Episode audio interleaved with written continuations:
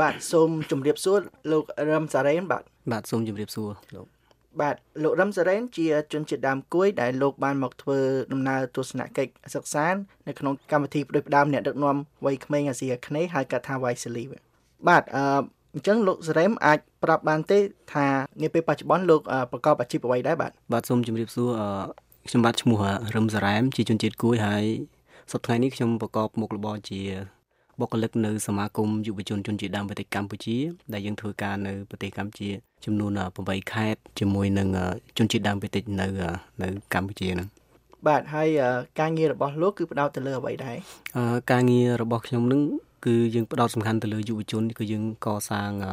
ភាពជាអ្នកដឹកនាំរបស់យុវជនជនជាតិដើមប្រទេសហើយយើងនឹងជួយពង្រឹងយុវជនជនជាតិដើមប្រទេសនឹងឲ្យគាត់ទទួលបានការសិក្សាជាពិសេសអាហារូបករណ៍ដែលអាចគាត់មកសិក្សានៅសាកលវិទ្យាល័យនៅទីក្រុងភ្នំពេញ បាទអញ្ចឹងមូលហេតុអ្វីដែរបានលោកបានដាក់ពាក្យមកធ្វើដំណើរទស្សនកិច្ចក្នុងកម្មវិធី Wisely នេះបាទដោយសារតែខ្ញុំមើលឃើញថាកម្មវិធីនេះគឺវាសំខាន់មែនទែនគាត់យើងមើលឃើញថាវាសំខាន់ប៉ុន្តែយើងអត់ទាន់បានដឹងថាវាសំខាន់ប៉ុណ្ណាទេដោយសារយើងឃើញថាសមត្ថភាពរបស់យើងគឺយើងនៅត្រូវការអភិវឌ្ឍថែមទៀតជាពិសេសគឺភាពជាអ្នកដឹកនាំក្នុងនាមយើងជាយុវជនម្នាក់ដែលយើងធ្វើការជាមួយនឹងដៃគូផ្សេងៗនៅប្រទេសកម្ពុជាជាមួយនឹង អង្គការផ្សេងៗហ្នឹងអញ្ចឹងគឺយើងគិតថាវាជាឱកាសមួយដែលយើងអាចចូលរួមក្នុងការកសាងសមត្ថភាពដើម្បីឲ្យយើងមានបទពិសោធន៍ដើម្បីសិក្សាផ្សេងៗសិក្សាពីសហរដ្ឋអាមេរិកហ្នឹងបាទអញ្ចឹងអឺលោកអាចជម្រាបបានទេថាលោកបានមកដល់សហរដ្ឋអាមេរិកនៅថ្ងៃណាដែរហើយលោកបានធ្វើដំណើរទៅកន្លែងណាខ្លះដែរបាទអឺកម្មវិធីហ្នឹងគឺពួកខ្ញុំបានមកដល់សហរដ្ឋអាមេរិកហ្នឹងគឺនៅថ្ងៃទី11ចេញពីកម្ពុជាមកថ្ងៃទី11ដល់សហរដ្ឋអាមេរិកថ្ងៃទី12ខែតុលាហ្នឹងបាទហើយរហូតមកដល់ ឥឡូវហ្នឹងគឺចាប់ជិត6សប្តាហ៍ហើយហើយពួកខ្ញុំទៅស្នាក់នៅនៅរដ្ឋមន្តាណា ដែលជាប់នៅកាណាដានោះហើយជាពិសេសយើងទៅស្នាក់នៅជាមួយនៅសាកលវិទ្យាល័យ Montana បាទបាទបាទអញ្ចឹងតើលោកអាចជម្រាបបានទេអំពីបទពិសោធន៍ក៏ដូចជាអ្វីដែលលោកបានរៀនសូត្រនៅក្នុងអំឡុងពេលដំណើរទស្សនកិច្ចរបស់លោកមកកាន់សហរដ្ឋអាមេរិកបាទ បាទអឺវាអាចនិយាយថាវាអស្ចារ្យមែនទែនទោះបីតែរយៈពេលខ្លីមែនទែនប៉ុន្តែពួកខ្ញុំអាចរៀនសូត្របានច្រើនមែនទែនជាពិសេសខ្ញុំខ្លួនឯងខ្ញុំទូស្គាល់ថាគឺខ្ញុំអាចរៀនសូត្របានច្រើនពីបទពិសោធន៍ផ្សេងៗជាពិសេសគឺកម្មវិធីគេរៀបចំឲ្យយើងក្នុងការធ្វើការជាមួយនឹងអង្គការសង្គមស៊ីវិលនៅទីនេះហើយក៏គេឲ្យយើងធ្វើការរស់នៅជាមួយនឹងគ្រួសាររបស់ជនជាតិអាមេរិកផ្ទាល់តែម្ដងអញ្ចឹងមានថាយើងបានរៀនសូត្រទាំងចំណេះដឹងទាំងអីពីបទពិសោធន៍ផ្សេងៗពីអង្គការផ្សេងៗហើយយើងបាន រស់នៅជាមួយនឹងគ្រួសារគ្រួសារអាមេរិកដែលយើងបានសិក្សាពីវប្បធម៌ផ្សេងៗរបស់គ្រួសារគាត់គាត់របៀបក្នុងការហូបចុករបៀបរស់នៅទំនាក់ទំនងការធ្វើដំណើរអីផ្សេងៗគឺយើងបានរៀនសូត្រច្រើនហើយជាពិសេសយើងបានកសាងទំនាក់ទំនងជាមួយនឹងគ្រួសារសហរដ្ឋអាមេរិកផ្សេងៗទៀតមិនត្រឹមតែក្នុងគ្រួសារដែលយើងនៅជាមួយទេប៉ុន្តែគាត់មានមិត្តភ័ក្តិមានអីចឹងគាត់ណែនាំទៅយើងបានស្គាល់កាន់តែច្រើនទៅច្រើនទៅចឹងបាទអញ្ចឹងតើលោកមានគោលបំណងយកចំណេះដឹងក៏ដូចជាបទពិសោធន៍លោកទទួលបាន នៅសហរដ្ឋអាមេរិកហ្នឹងយកទៅអនុវត្តនៅប្រទេសកម្ពុជាយើងដូចម្ដេចដែរបាទអឺអ្វីដែលខ្ញុំរៀនសូត្របានហ្នឹងគឺវាមានសារៈសំខាន់មែនទែនសម្រាប់ខ្លួនខ្ញុំជាពិសេសសម្រាប់សមាគមរបស់ខ្ញុំព្រោះជាសមាគមជនជាតិដើមប្រទេសពួកខ្ញុំហ្នឹងយុវជនជនជាតិដើមប្រទេសហ្នឹងគឺយើងត្រូវការទុនធានមនុស្សខ្លាំងមែនទែនអញ្ចឹងជារៀងរាល់ឆ្នាំយើងតែងតែបញ្ជូនយុវជន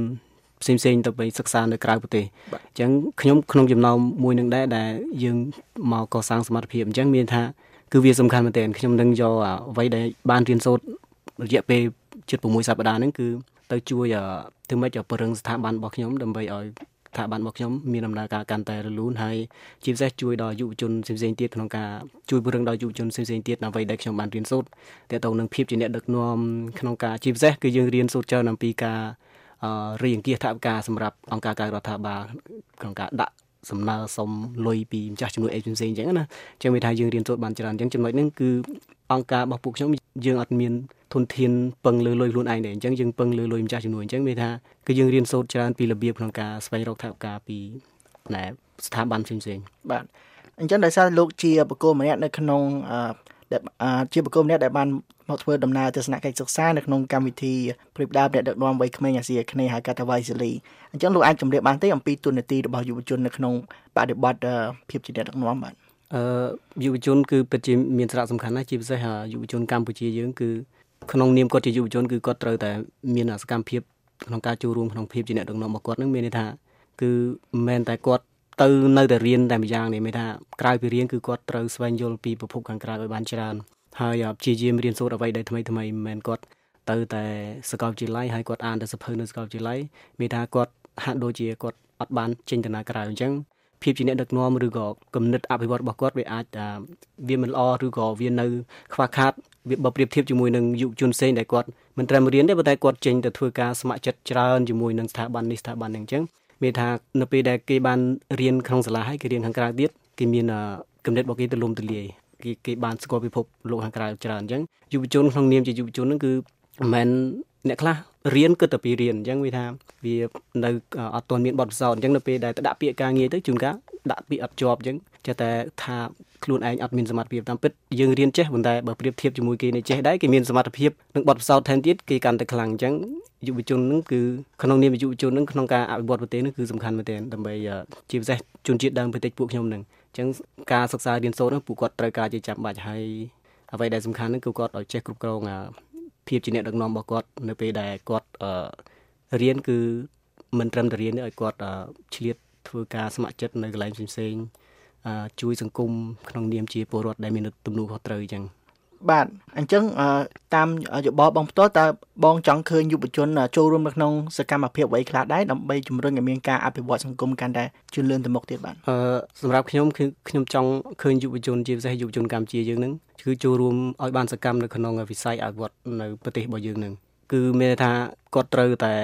ចូលរួមទាំងសកម្មភាពនយោបាយសកម្មភាពធ្វើការស្ម័គ្រចិត្តអីផ្សេងៗគឺ គឺគាត់មានទំនួលខុសត្រូវទាំងអស់មានថាឧទាហរណ៍ទីក្រុងភ្នំពេញយើងត្រូវការទីក្រុងភ្នំពេញស្អាតអញ្ចឹងមានថាគឺម្នាក់ម្នាក់ត្រូវមានទំនួលខុសត្រូវមិនត្រូវចោលសម្រាមអីប្រទេសបដាហ្នឹងខ្ញុំនិយាយរឿងបរិស្ថានមួយអញ្ចឹងមានថារឿងវិស័យអប់រំផ្សេងៗទៀតគឺគឺគាត់មានទួនាទីត្រូវចូលរួមគឺមិនមិនគិតថានឹងជារឿងរបស់ខ្លួនឯងតែម្នាក់គាត់ទេអញ្ចឹងមានថាការអភិវឌ្ឍគឺត្រូវការចូលរួមពីយុវជនទាំងអស់អញ្ចឹងបើម្នាក់ចូលរួមម្នាក់អត់ចូលរួមមានថាវាអត់មានណាចូលរួមដូច ការចោលសម្រាមអញ្ចឹងយើងចោលសម្រាមម្នាក់ទៀតថាអញចោលទៅទុកឲ្យអ្នកផ្សេងបោះទៅផ្សេងដល់ពេលយូរយូរទៅសម្រាមកើនទៅកើនទៅអញ្ចឹងវាថាវាធ្វើឲ្យយើងប្រៀបធៀបទៅគឺទីក្រុងមួយទីក្រុងរបស់យើងនឹងកាន់តែកខ្វក់អញ្ចឹងវាដូចការអភិវឌ្ឍអញ្ចឹងកាលណាយុវជនមួយចេះតែហីហីអត់គិតរឿងគិតតែไปប្រឹងតែខ្លួនឯងអត់បានចូលរួមសកម្មភាពសង្គមវាធ្វើឲ្យសង្គមនោះដូចខ្វះ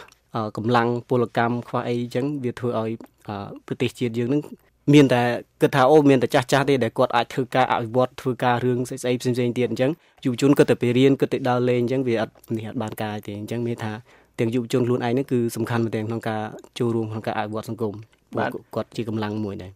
បាទមុននឹងយើងបញ្ចប់បទសម្ភាសន៍នេះតើលោកមានពាក្យពេចន៍ចុងក្រោយដើម្បីផ្ដាយផ្ដាំទៅដល់យុវជនខ្មែរយើងទេបាទអឺជាចុងក្រោយនេះសូម សំណូមពរឬក៏សូមផ្ដាយផ្ដាំដល់យុវជនចំនួនក្រោយគឺសូមឲ្យគាត់ខិតខំប្រឹងប្រែងរៀនសូត្រមានថារៀនសូត្រមិនតែក្នុងសាលាទេអាចរៀនសូត្រពីបទពិសោធន៍ខាងក្រៅពីសង្គមឆ្លៀតទៅធ្វើការស្ម័គ្រចិត្តអីផ្សេងៗទៀតដោយកុំគិតតែរឿងទទួលបានប្រាក់កម្រៃខ្លាំងពេកអញ្ចឹងមានថាត្រូវការកសាងសមត្ថភាពនឹងត្រូវស្វែងរកពីខាងក្រៅផង ពីសាលាផងអញ្ចឹងសមត្ថភាពយើងនឹងខ្លាំងហើយជាពិសេសសូមយុវជនប្រឹងប្រែងរៀនជាពិសេសភាសាបរទេសភាសាអង់គ្លេសហ្នឹងព្រោះវាជាភាសា យានមួយដែលធ្វើឲ្យយើងមានឱកាសច្រើនក្នុងការចេញទៅក្រៅពួកអីដូចខ្ញុំបើខ្ញុំមិនចេះអង់គ្លេសក៏ខ្ញុំមិនអាចមកសហរដ្ឋអាមេរិកនឹងបានដែរអញ្ចឹងមានថារៀនភាសាខ្លួនឯងហើយត្រូវចេះភាសា2 3ថែមទៀតកាន់តែល្អសម្រាប់យុវជនអរគុណបាទសូមអរគុណលោករឹមសារ៉េនចំពោះការផ្ដល់បទសម្ភាសន៍ឲ្យ VOA បាទសូមអរគុណច្រើន